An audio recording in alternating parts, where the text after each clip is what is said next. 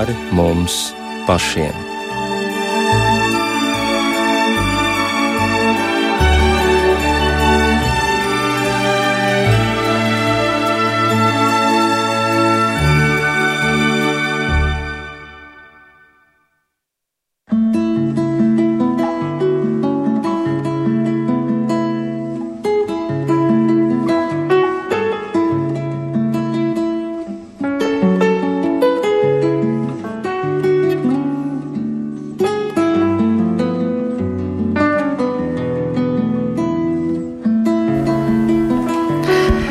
Esiet sveicināti šajā vakara stundā raidījumā pāri mums pašiem. Studijā Inte Zēgnere par skanējumu rūpējas Mātiņš Paiglis, bet mūsu vakara viesi ir Mākslas muzeja Rīgas birža vadītāja Daiga Upeniece. Labvakar! Labvakar. Un teoloģijas doktors, priesteris un mākslas vēsturnieks Andris Priede. Labvakar! Sveicināti!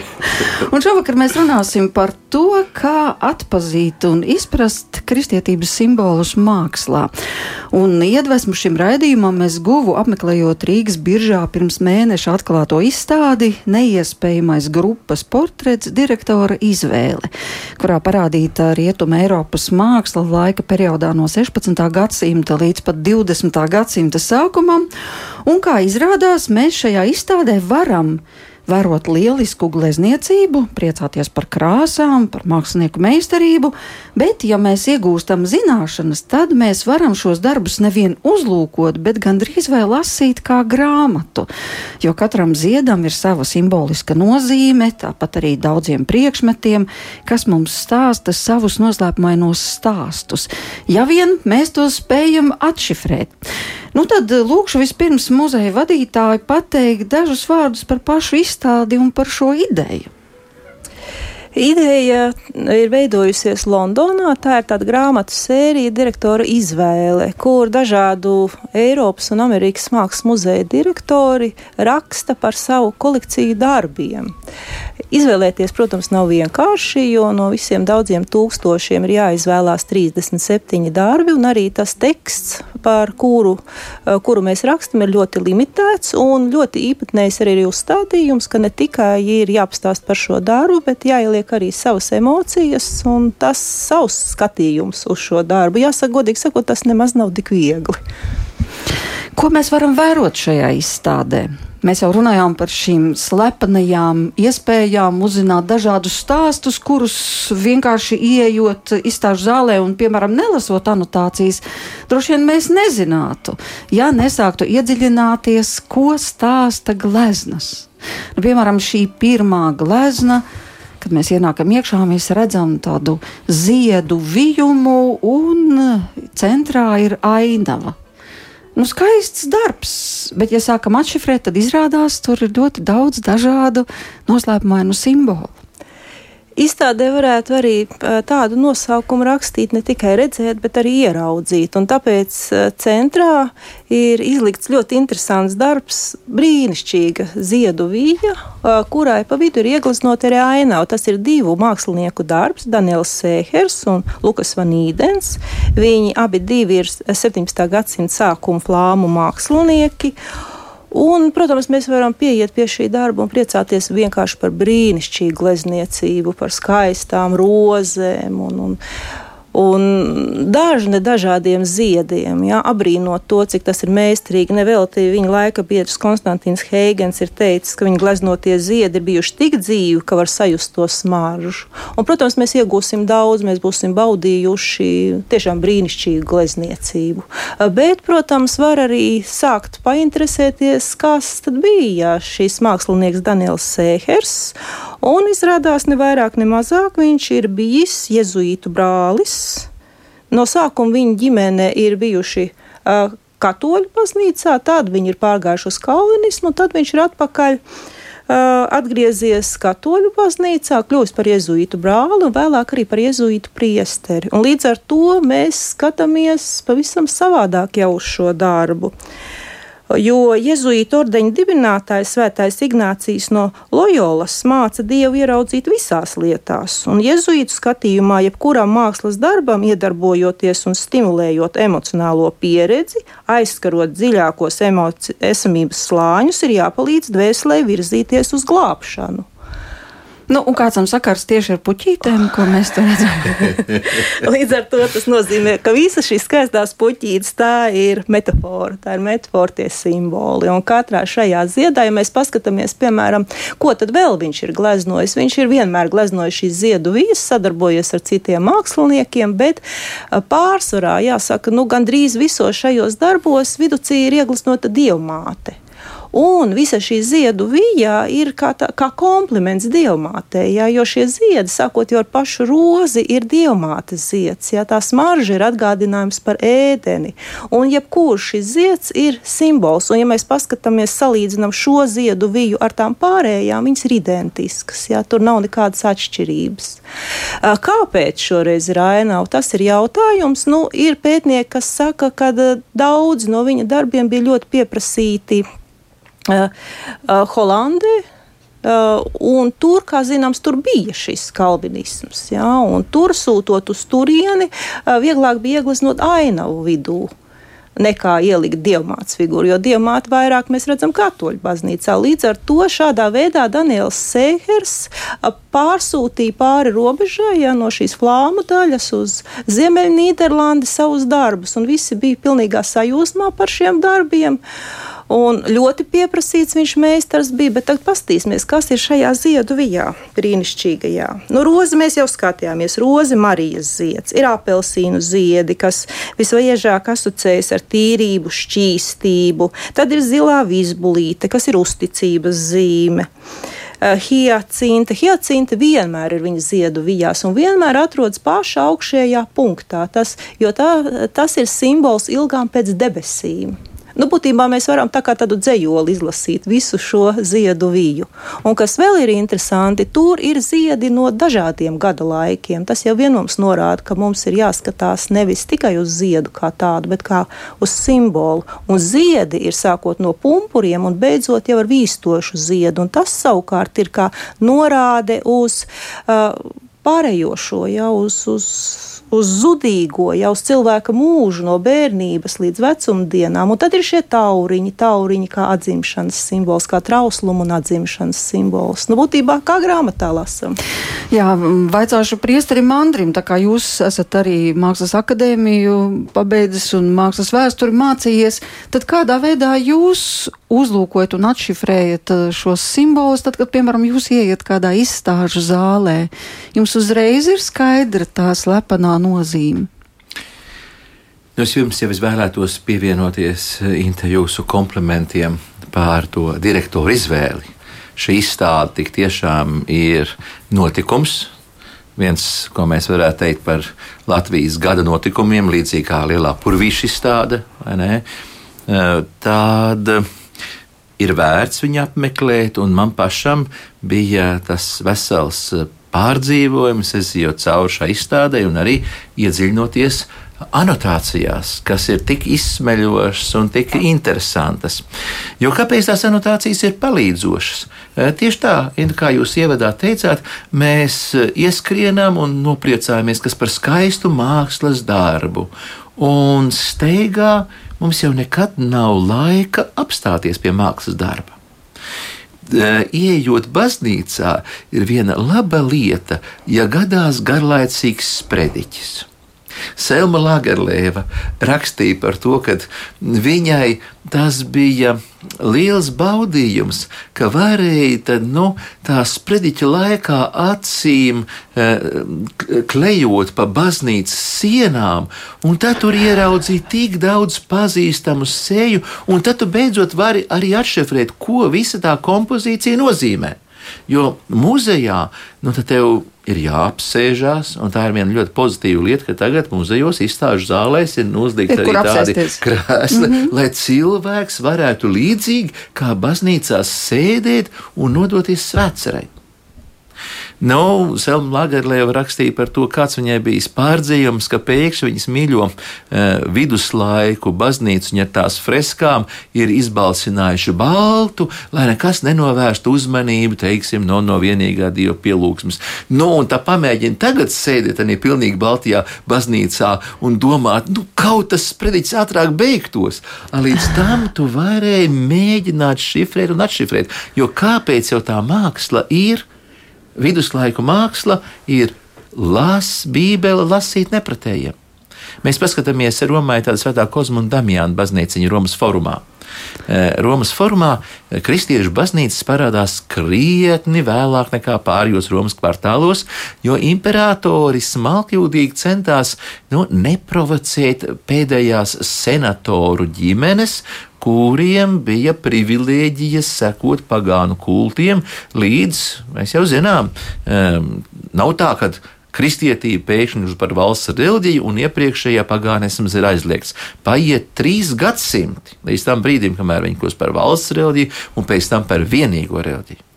Nu, un Kozmas un Damjāns baznīcā, Romas forumā, tur galvenajā, virs galvenā altāra apsīdā ir iegleznots Kristus ar sarulētu rakstu tīstokli.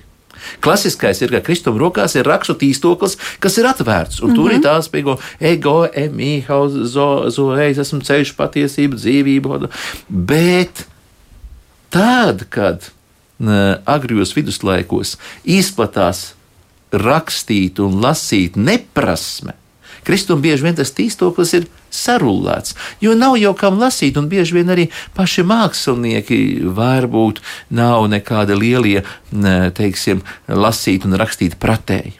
Bet cilvēkam, lūk, visa Bībele ir izlasāma uz sienas. Un tas, kas bija um, agrajos viduslaikos tieši ar Bībeles stāstiem, lūk, uh, izstādē eksponēto darbu vairākums, tas jau ir tātad renesanse, bāroka laikmets, rokoko, romantisms. Nu, tādu vairs nav tik daudz tieši Bībeles stāsti, cik tā saucamā emblemātiskā māksla. Mums Latvijas baznīcās arī ir sastopama šāda, piemēram, tā pati ziedu vija ar Madonu, piemēram, Bebrenes iecienītā diamāta. Bet Arī. tas ir diezgan reti sastopams. Reti, jā, taisnība. Tāpēc par katru šādu mākslas darbu mēs varam lepoties, bet tas ir gaiķu baznīcas solu pildiņos vai Lestenes baznīcas kancels kāpnēs. Nu, tur pat līdz šai dienai es atceros, ka mēs ar Elitu Grossmani un pāriem mākslas zinātniekiem diskutējam, paga, kā šito atšifrēt? Vai tā ir kāda um, tikumu alegorija, vai varbūt tas ir kārtējais Madonnas, piemēram, uh, lauretāriskās litānijas simbols. Tās ir aizraujoši, un līdz šim brīdim mēs ne visu esam atšifrējuši. Ja mēs vēl apstājamies pie ziediem, tad man bija liels pārsteigums uzzināt, ka ir kāds zieds, kas simbolizē dievu. Vismaz Andris, Priestars Andris smaida. Kāpēc? Nē, nu, savā laikā par jezuītu mākslu. Eh, pirms 10, 15 var vairs pateikt, cik precīzi gadiem Kristīna Ogla uzrakstīja Mākslas akadēmijā savu promocijas darbu eh, par jezuītu mākslu tieši Latvijā. Tur tēlotāja mākslu, arhitektūru, plastisko. Nu, tad mūsu jezuīti no tiem jau ir tas radošākais lidojums. Jo, nu, kā mēs varam tagad pateikt, eh, ja visa radība ir eh, dieva meistardarbs, un kā, um, kā mums Daiga fantastiski citēja to Ignāciju piemēru, kad uz jebko skatoties, mums būtu jāatcerās par pašu radītāju. Nu, kā mēs viņu varam iekļaut tieši vienā konkrētā ziedā? Jā, tas man arī bija liels pārsteigums, bet izrādās, ka tam ir sakars ar šī zieda nosaukumu Deus Antus vai Diantus, kas tulkojumā no grieķu valodas nozīmē neļķe. Un tas, ka tā ir neļķe, man tiešām bija liels pārsteigums. Tāpēc, ka nu, kaut vai atceroties, Jā. kas, kas neļķi bija padomju laikos. Nekādas vainas. Nu, nezinu. Es, es līdz šim tāda, brīdim priecājos, ka man pasniedz neļķu puši. Tāda semantika, it sevišķi sarkanai neļķei, ir tas zemteksts tāds, bet izrādās, ka diantus, tātad dieva zieds. Nu, ir jau pagājuši pietiek daudz, pietiekoši daudz gadi, lai mēs varētu raudzīties uz ziedu bez, eh, teiksim, kādu, teiksim, zemteksta šāda traumu, kādu mēs to gribētu nosaukt. No neļķa ir arī uzticības un mīlestības simbols. Mums ir izstādē tāds sadarināšanās portrets, jauna vīrieša portrets, viņam rokā ir maza neļķīte, un tā ir kā tāda uzticība un mīlestība. Un mīlestība, bezgalīga mīlestība, un tas savukārt nāk uh, no tādas. Ir arī varētu teikt, ka tiek uzskatīts, ka tās ir tā kā diamāts asaras, kad diamāts skatījās Golgāt, Golgātā. Tas bija, kad diamāts skatījās uz Jēzu krustā, viņa raudāja, un viņas asaras pārvērtās neļķēs. Un līdz ar to šī mīlestība ir bezgalīga, un līdz ar to šis simbols ļoti daudz uh, tiek izmantots tieši kā mīlestības simbols. Jā, bet ir vēl kāda glezna, kur uh, ir maize, un maizē ir šī neļķe. Tāds neparasta tāda kompozīcija šķiet, nu kā maize un maizē iesprausta neļķe. Būtu kļavas lapa bijusi. Jā, cita vieta. Tas ir Pīters, Pīters Ārcens. Es domāju, ka par šo darbu mēs runājam. Viņam mūsu izstādē ir ļoti nopietns darbs Golgāta, bet viņam ir arī tāda, nu, gan žanra aina savienot kopā ar kluso dabu un saucās Jēzus kopā ar Martu un Mariju. Uh, Jēzu, Martu un Mariju ir jāieskatās, lai darbā ieraudzītu, bet priekšpusē ir ļoti liela tāda spēcīga klusā daba, kurā ir uh, naudas zuteņi, uh, dārgas mantas un sudrabs un zelts, liels šķiņķis, ziedu vāze, dažādi trauki. Un tad pēkšņi šajā kompozīcijā ja mēs tā novelkam vidus līniju, pēkšņi kreisajā pusē ir ļoti maz priekšmetu. Un kreisajā pusē ir tikai maize, maizes kukulis, ir uh, kauss ir uh, vīna krūka, un tālumā mēs ieraugam šīs mazās figūriņas. Ja mēs ieskatāmies, mēs ieraugam Jēzu, uh, Martu, Mariju un arī Lāzaru ieraugam, un, un tur tā neļķīte ir iesprausta maizes kukulī. Nu, ja mēs tagad jā? saliekam kopā, tā ir mīlestība un uzticība.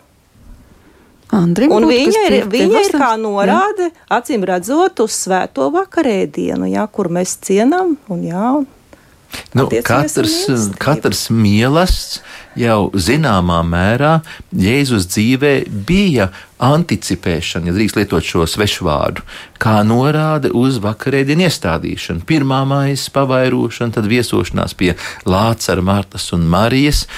Tas bez šaubām noved pie kulminācijas, un savukārt no šīs kulminācijas vakarēdienu iestādīšanas mums, kristiešiem, katru reizi satiekoties pie galda, ir tāda sakralitātes sajūta. Eh, nav man, piemēram, arī patīkami mieloties kopā ar cilvēku, ar kuru nu, tev nekā daudz nav kopīga. Jo mīlestība baudīšana ir, kā Daiga pareizi saka, nu, tur ir jābūt savstarpējai mīlestībai un uzticībai. Jā, mēs apstājāmies pie holandiešu un pie flāmu mākslas 16. gadsimtā, un tad eh, tā kā mēs runājām par ziediem, tad nevaram tomēr arī neieklausīties kādā kompozīcijā, kurai arī ir simboliska nozīme, ja runājam tieši par liliju, un to ir komponējis Fransuā Kuperēns. Un tagad tas mums būs jānodziet rietā? Nē, tagad to jautrīta putniņa savulaik ir atstājusi mums kā ah. mantojumu ierakstām.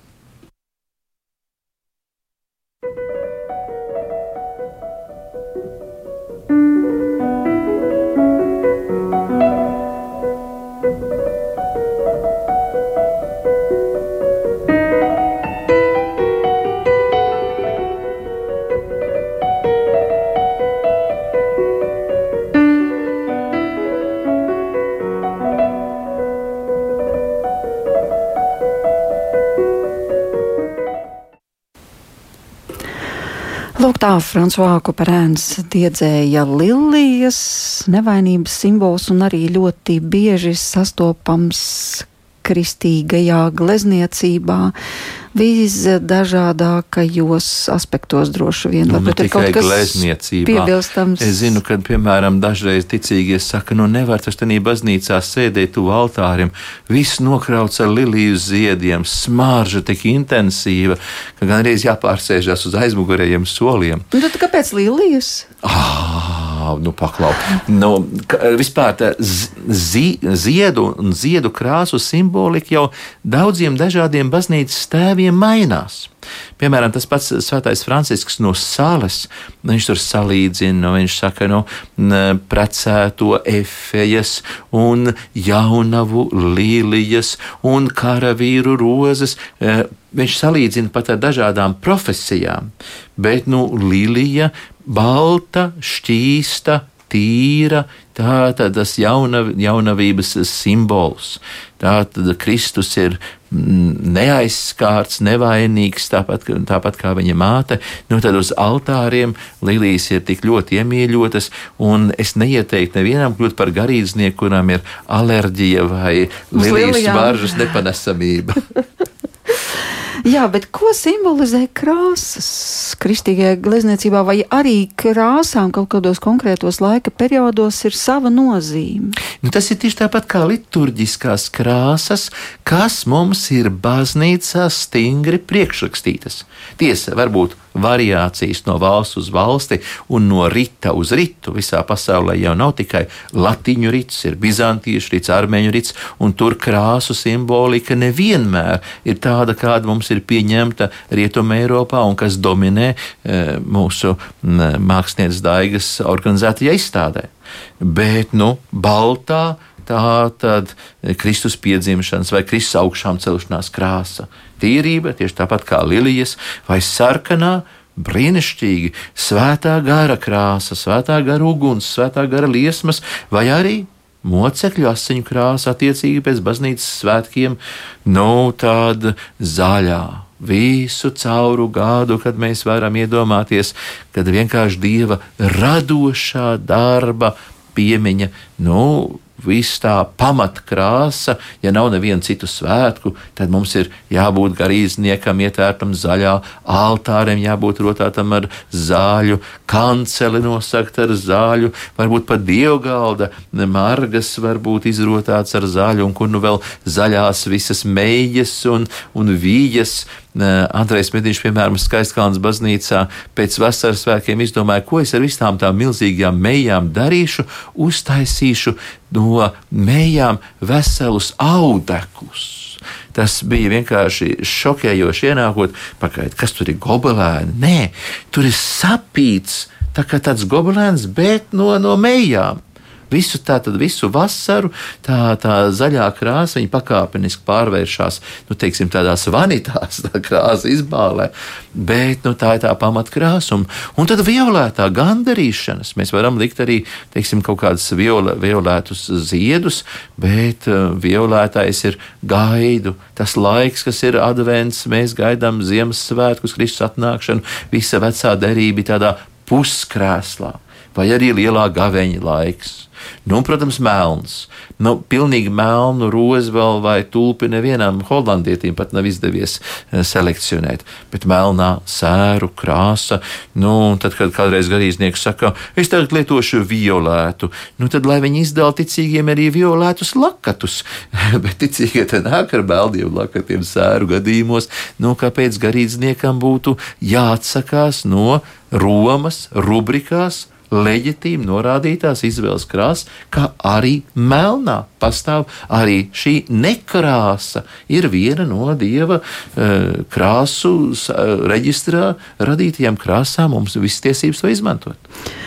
Jā, bet ja mēs runājam par šo konkrēto izstādi, un jūs jau minējāt eh, tādu īpašu darbu, Pīters Artsens, uh, ir eh, radījis šo darbu, un tā nosaukums ir Golgāta, tātad 16.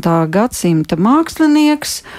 Un izrādās, ka arī šajā darbā mēs to varam uzlūkot kā vienkārši ainu nu, Golgāta skaidrs, tātad krustā sišana, arī cilvēki, kas tur ir saistīti ar šo notikumu, bet tajā pašā laikā izrādās, ka zinot krāsu nozīmi, mēs varam arī šo darbu lasīt pilnīgi citos zemtekstos. Varbūt jūs mums varētu pastāstīt. Pīters Ārtsens. Pīters Ārtsens ir izcils ziemeļu manierisma gleznotājs. Un viņa darbs Golgātā mūsu kolekcijā ir no Dominika Rabjānija kolekcijas. Ja pirmais, ko mēs runājām, bija dāvana no Teodora, grāfa Teodora Van Mēdema, tad tagad mēs pāriem uz Rabjānija kolekciju.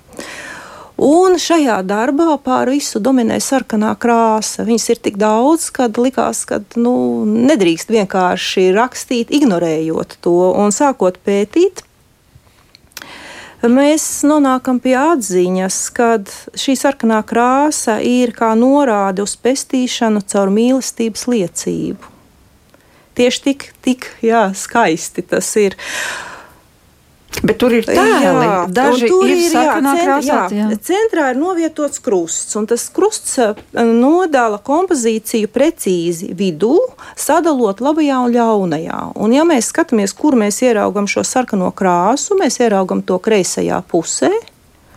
Tur, kur atrodas, pirmkārt jau tā ir Marija Magdalēna, kas ir notupusies pie krusta, apģērusi krustu, un viņas apģērbā ir gan šī pelēkā krāsa, gan sarkanā krāsa, jo viņa, viņa uh, sāpēs ir pie krusta, bet viņa ir atgriezusies no grēka. Tāpēc viņas apģērbs vēl nav pilnībā sarkans. Tad viņai mēs skatāmies, piedurknis. Jā, jā, viņai ir sarkans piedurknis. Tad mēs skatāmies, un tās piedurknis, ja viņa pati ir labajā pusē, tad tās piedurknis jau ir tā gleznas kreisajā pusē. Jau. Un tad mēs skatāmies, kas tad ir tā gleznas kreisajā pusē. Tur ir uh, mīļotais māceklis Jānis.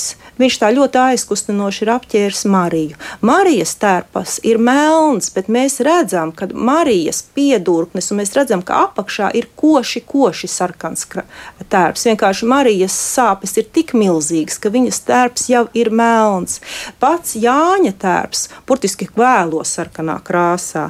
Tad blakus ir Marija Kleopas sieva. Tad ir Arī Matejs Jāzeps un Nikodēms un Veronika ir. Jā, tā visa ir gleznas kreisā puse. Tad tur dominē šī sarkanā jā, tur krāsa. Ir, tur ir tur absolūti dominē sarkanā krāsa. Un tad mēs skatāmies, sarkanā krāsa parādās fragmentāri arī gleznas labajā pusē, jo labajā pusē atrodas visi tie, kas redzot, jā, kas notiek ar, ar Kristu, kas notiekās, jā, kuri atgriezās vai arī tie, kuri neatgriezās. Ja? Un tie, kuri neatgriezās, tie, tie tur neieraudzīs tērpu absolūti nevis mazāko kriksīt no sarkanās krāsas. Tur ir pelēks. Viss. Jā, bet tur ir, piemēram, Longins simtnieks, ja, kur mēs ieraugam kaut ko no sarkana. Tur ir kauliņu metāji, ja, kas no sākuma it kā dalīja ja, šīs drēbes, pēc tam viņi jau ieraudzīja, ja, viņi jau redzēja. Tur arī viņu drēbēs ar parādās jau kaut kas no sarkanā, bet tālāk ir karēvji, kas aiziet, kas ir tā kā ar muguru, ja, tur mēs šo sarkano krāsu vispār neieraugam.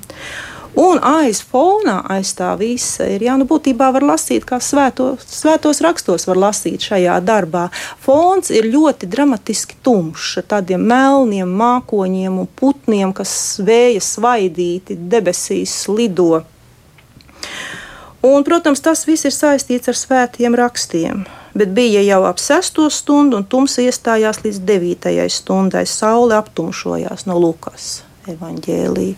Un būtībā mākslinieks ir parādījis absolūti pilnīgi visu, ja, to, ko viņš var izlasīt no svētiem rakstiem. Mēs šobrīd runājam tikai par krāsām, bet tur, piemēram, mēs redzam arī galvas kausu, ja, kas apzīmē, tas ir galvas kausa kal, kalns, ja šī ādama galva. Ja. Mēs ļoti, ļoti daudz dažādu arī sīku detaļu tur redzam, ja, kas ir visa kā atsauc. Un te man gribas teikt tieši to, ja ne jau visi mācēja lasīt. Ja, tas ir, mēs runājam šobrīd par 16. gadsimta darbu, būtībā apskatot šo darbu, kas ir ļoti emocionāli spēcīgs, jā, jā, būtībā jau nu, iemācās jā, to, kas ir svētajos rakstos. Jā, ne jau visi mācīja lasīt, bet vai visi mācīja lasīt šo simbolisko nozīmi? Tātad, ja varbūt viņi nepazina pat uh, burtus, uh, tad viņi zināja gan, ko nozīmē sarkanā krāsa, tad sanāk tā. Nu, stādīsimies priekšā uh, Eiropas kultūra vidi līdz pat Franču revolūcijai, kad mēs sakām, notiek uh, sabiedrības sekularizācija, un kopš Franču revolūcijas lielās līnijās mēs dzīvojam formāli sekulārajā sabiedrībā. Bet līdz tam baznīca ir tā centrālās dievkalpojums, ir tas, ap kuru raisās visa sabiedriskā dzīve, visas oratorijas, visas attīstās tomēr uz, uz baznīcas mēklas bāzes. Un cilvēks vairāk vai mazāk, ja ne katru dienu, tad vismaz katru nedēļu ir šajā konkrētajā baznīcā, vai arī tā ir liela pilsēta, kā piemēram Venecija. Viņš eh, katru reizi iet uz citu baznīcu, kur ir konkrētie svētki, tās osmās baznīcas titulas svētki.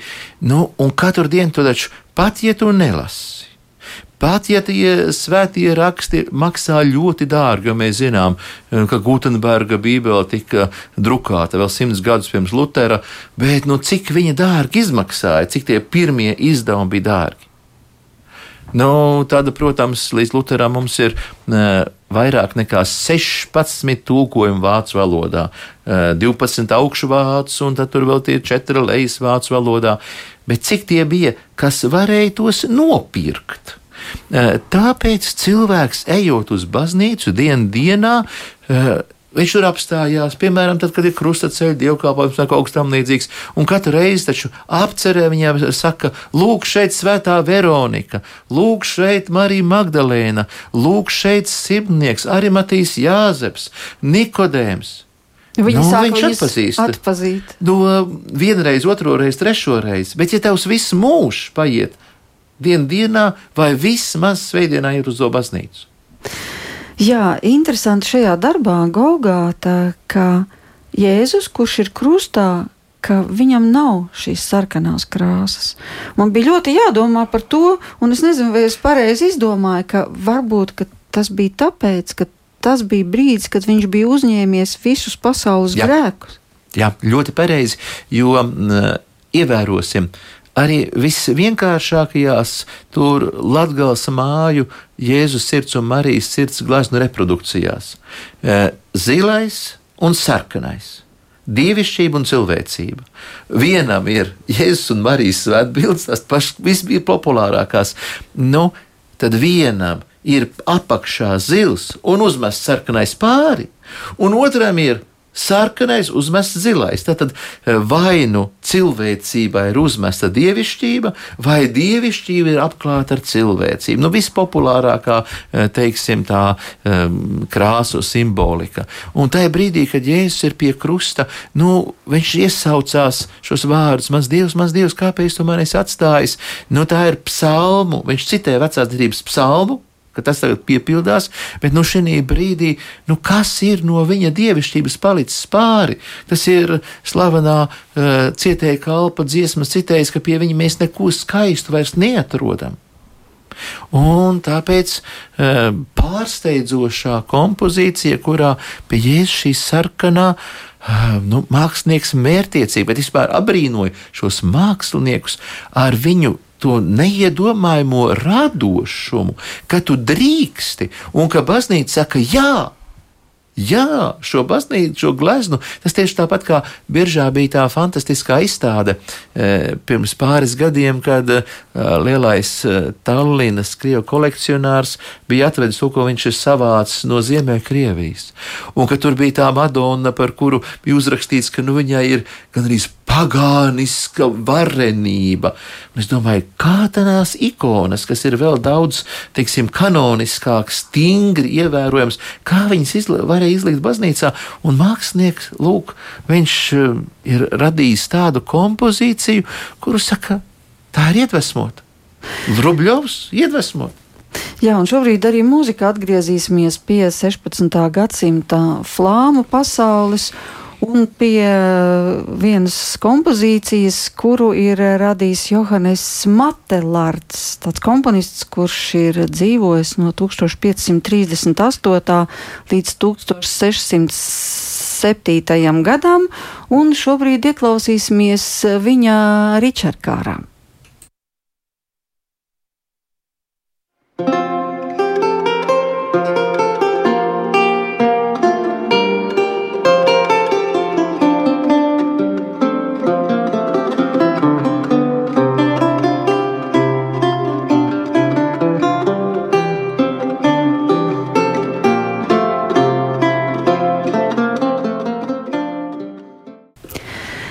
Nu tikko mēs izlasījām Pītera Artsena darbu, ko varam šobrīd aplūkot Mākslas muzejā Rīgas birža, bet kādiem sižetiem vēl mums vajadzētu pievērst uzmanību?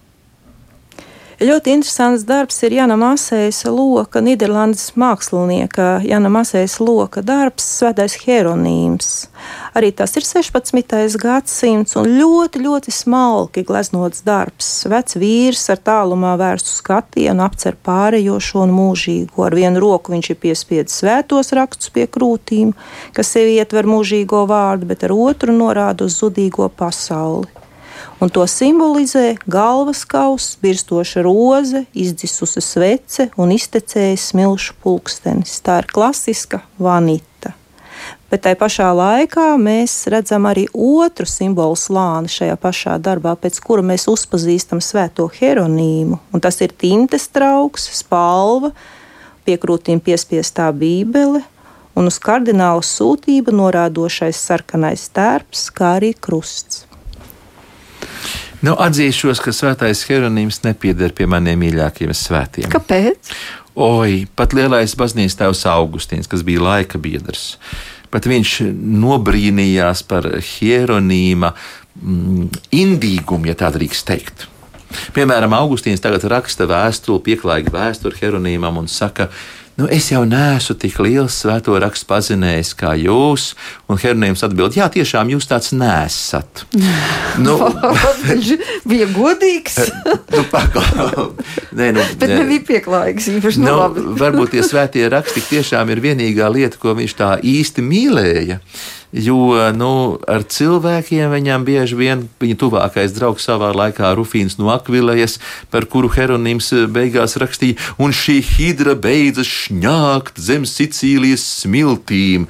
Nu, viņš bija sulīgs. Bet Ja tev nav sulīgas metafāras, labāk neķeries pie Bībeles tulkošanas, jo Bībele jau ir sulīga. Tāpēc, jau, piemēram, ap tiem 16 tulkojumiem, kas bija pirms Lutera, Lutera tulkojums ir vispopulārākais, jo viņš pirmo reizi visas tās nu, reizēm arī jēlības, kas ir Bībeles tekstā sastopamas, atklāja no ar tādu spēku, ka tilcīgie paņem tagad beidzot rokā un saka, o! Oh, Tur ir rakstīts apmēram tā, kā mūsu mājās runā. un Herodīns tāds sulīgs viņš bija. Bet no nu, to kardinālu sūtību ir tā, ka viņam bija ļoti liels ambīcijas kļūt par pāvestu, un ka viņš netika ievēlēts par pāvestu, kas bija, viņš bija bijis tā pāvesta Damasa sekretārs. Nu tad, ja jūs mani nemīlat, es braucu uz austrumiem un ar tām savām dāmām mecenātēm dibina tur savu klosteri, nu, tad. Kā Hieronīms rakstīja, un kas nepazīst svētos rakstus, nepazīst Kristu pašu. Nu, skatīsimies uz viņa darbiem un ne tik daudz uz viņa nu, izteicieniem, sulīgiem un izdīcinošiem. Nu jā, tagad mēs aiziesim uz izstādi un mēs pilnīgi citām acīm lūkosimies lūk uz svēto hieronīmu. Viņš atklāsies gan no šīs simboliskās nozīmes, gan arī sakarā ar viņa raksturu. Tā kā vēl viena jauna šķautne. Bet ja mēs runājam vispār par šiem simboliem, kā mēs varam, jūs teicāt, labi, viduslaikos cilvēks vienkārši ienāca baznīcā, viņam bija skaidrs, tas ir svētais Hieronims, tas ir svētais Pēters, tas ir Pāvils, lūk, šeit ir Veronika ar visu šķidrautu. Viņš lasīja kā grāmatu, pat ja nebija nevienas šiltītes, kas norādītu, kas Jā. tas ir par tēlu. Jā. Bet pēc kā mēs varam atpazīt? Jo izrādās, ka arī apstuļiem, arī tiem, kurus mēs zinām, Matejs, Marks, Lūka, Jānis, arī viņiem ir kaut kādi konkrēti simboli, kas viņus raksturo. Un turklāt tas interesantākais, ka kā līdz pat šai dienai mēs reizēm nevaram atpazīt. Šodien pat man uzdeva jautājumu, vai tas tur mūsu altārī ir Aloizijas Gonzaga vai Stanislavs Kostka. Un es teicu, ziniet, tieši pirms divām nedēļām tēvs Ginteras Vitkus aizbraucis uz Latviju pa ceļam uz 15. augusta svinībām, apstājies Ziemeļvidgājā. Viņš teica, nē, redziet, tas tur visticamāk ir Jānis Bergmanis. Trešais, kuri gandrīz visi trīs ir ar identiskiem simboliem. Tur līnija, šķīstība, tur krusts, ka viņi lasa svēt, svētos rakstus tādā krustā sistā eh, pestītāja gaismā, atpestīšanas gaismā. Nu, bet varbūt viņiem tā mantija īsāka vai garāka. Tur vajadzēja tiešām ierasties vienam jēzuītam, kas pēkšņi pasaka, ka tas no mūsējiem, no mūsu ordeņa ir visticamāk nevis tas, ko līdz šim mēs esam domājuši, bet kā, kāds cits. Tā kā šodien tā atribuēšana ne tikai emblemātiskajiem, kā lestenē vai gaiķos, bet arī tieši konkrētam svēto tēlam nav vienkārši. Apustuļi tas ir pats vis, visvienkāršākais. Nu, piemēram. Nu, apustulis Pēters ar savām atslēgām. L labi, bet nu, Marks, Marks. E, Evanģēlists Marks mums ir atkal vispār tā interesantā lieta, kad vecajā derībā Ecehielam arī parādās šie četri zvēri. Lauva, cilvēks, vērsis un ērglis. Un ka tā ir tā ecekliela vīzija, un tāpēc mēs esam piemeklējuši šiem četriem evaņģēlistiem, attiecīgi, nu, kad mātei sāk ar ģenealoģiju, Marks Tuksnesī ar savu lauvu, Lūkas ar upuris ar vērsi. Bet kāpēc viņi tiek piemeklēti? Ka tajā vecajā derībā jau mums ir šī norāde, kad dieva vārds, dieva manifestācija kaut kur atklāsies, kad, kad tas būs iegrāmatots dieva vārds Bībelē ar saviem četriem evaņģēlistiem un Kristus kā iemiesots cilvēks. Daigai bija kaut kas piebilstams. Jā, es varbūt atgrieztos vēlreiz pie tām lilijām atpakaļ, oh. jā, un svētajiem ar lilijām. Tas tiešām nav vienkārši. Ja runā, piemēram, par to pašu Aloīzu Gonzāga. Jā. Viņu, viņu parasti, kad attēlo, tad ir lilija, kronis, krusts un rožu kronis. Bet ar lilijām ir arī svētais Antonijs no Padujas, bet viņam ir bērns Jēzus vēl, un franciskāņa tērps, bet arī ir grāmata un lilija. Tad ir, protams, Jāzeps, Jā, Marijas vīrs Jāzeps, ir, kurš arī ir ar liliju un bērnu jēzu un galdnieka piedarumiem savukārt. Nu, tad ir, protams, arcēnģelis Gābriels, kas vienmēr ir ar liliju. Un tad ir arī vēl Filips Nerī, kuram arī ir lilija un grāmata. un kur tad vēl visas arī sievietes, ģērtrūde un, un Agnese un Katrīna no Sienas, arī viņas ir ar lilijām. Tieši tā, un tagad nu, tev no trim vai četriem attribūtiem kopā jāsaliek, ka šis ir konkrētais. Nu, bieži vien tas jau arī. Um, kā ticīgie viduslaikos un baroka laikmetā pazina. Nu, tāpēc, ka mūsu draudzē tieši šiem konkrētiem svētajiem svētku diena, un tad šī statuja tiek nesta procesijā, un tad mēs nevaram kļūdīties. Bet kādreiz ir tā, ka, piemēram, Latgalē ļoti iesaku Mēs tagad sakām, brīnišķīgi aizējām uz šo izstādi, uz Rīgas biežu, bet es saku, aizbrauksim arī uz Saviļņu kapelu. Tā ir aiz Zilupes, bet uh, nu, tur mums ar vietējām draugu stantēm ir liela stīvēšanās, jo viņas saka, tā ir Madonna. Tikai nes kāpēc viņa vienmēr met no savu apģērbu. Viņai nepatīk tas, ko mēs viņai esam pagatavojuši.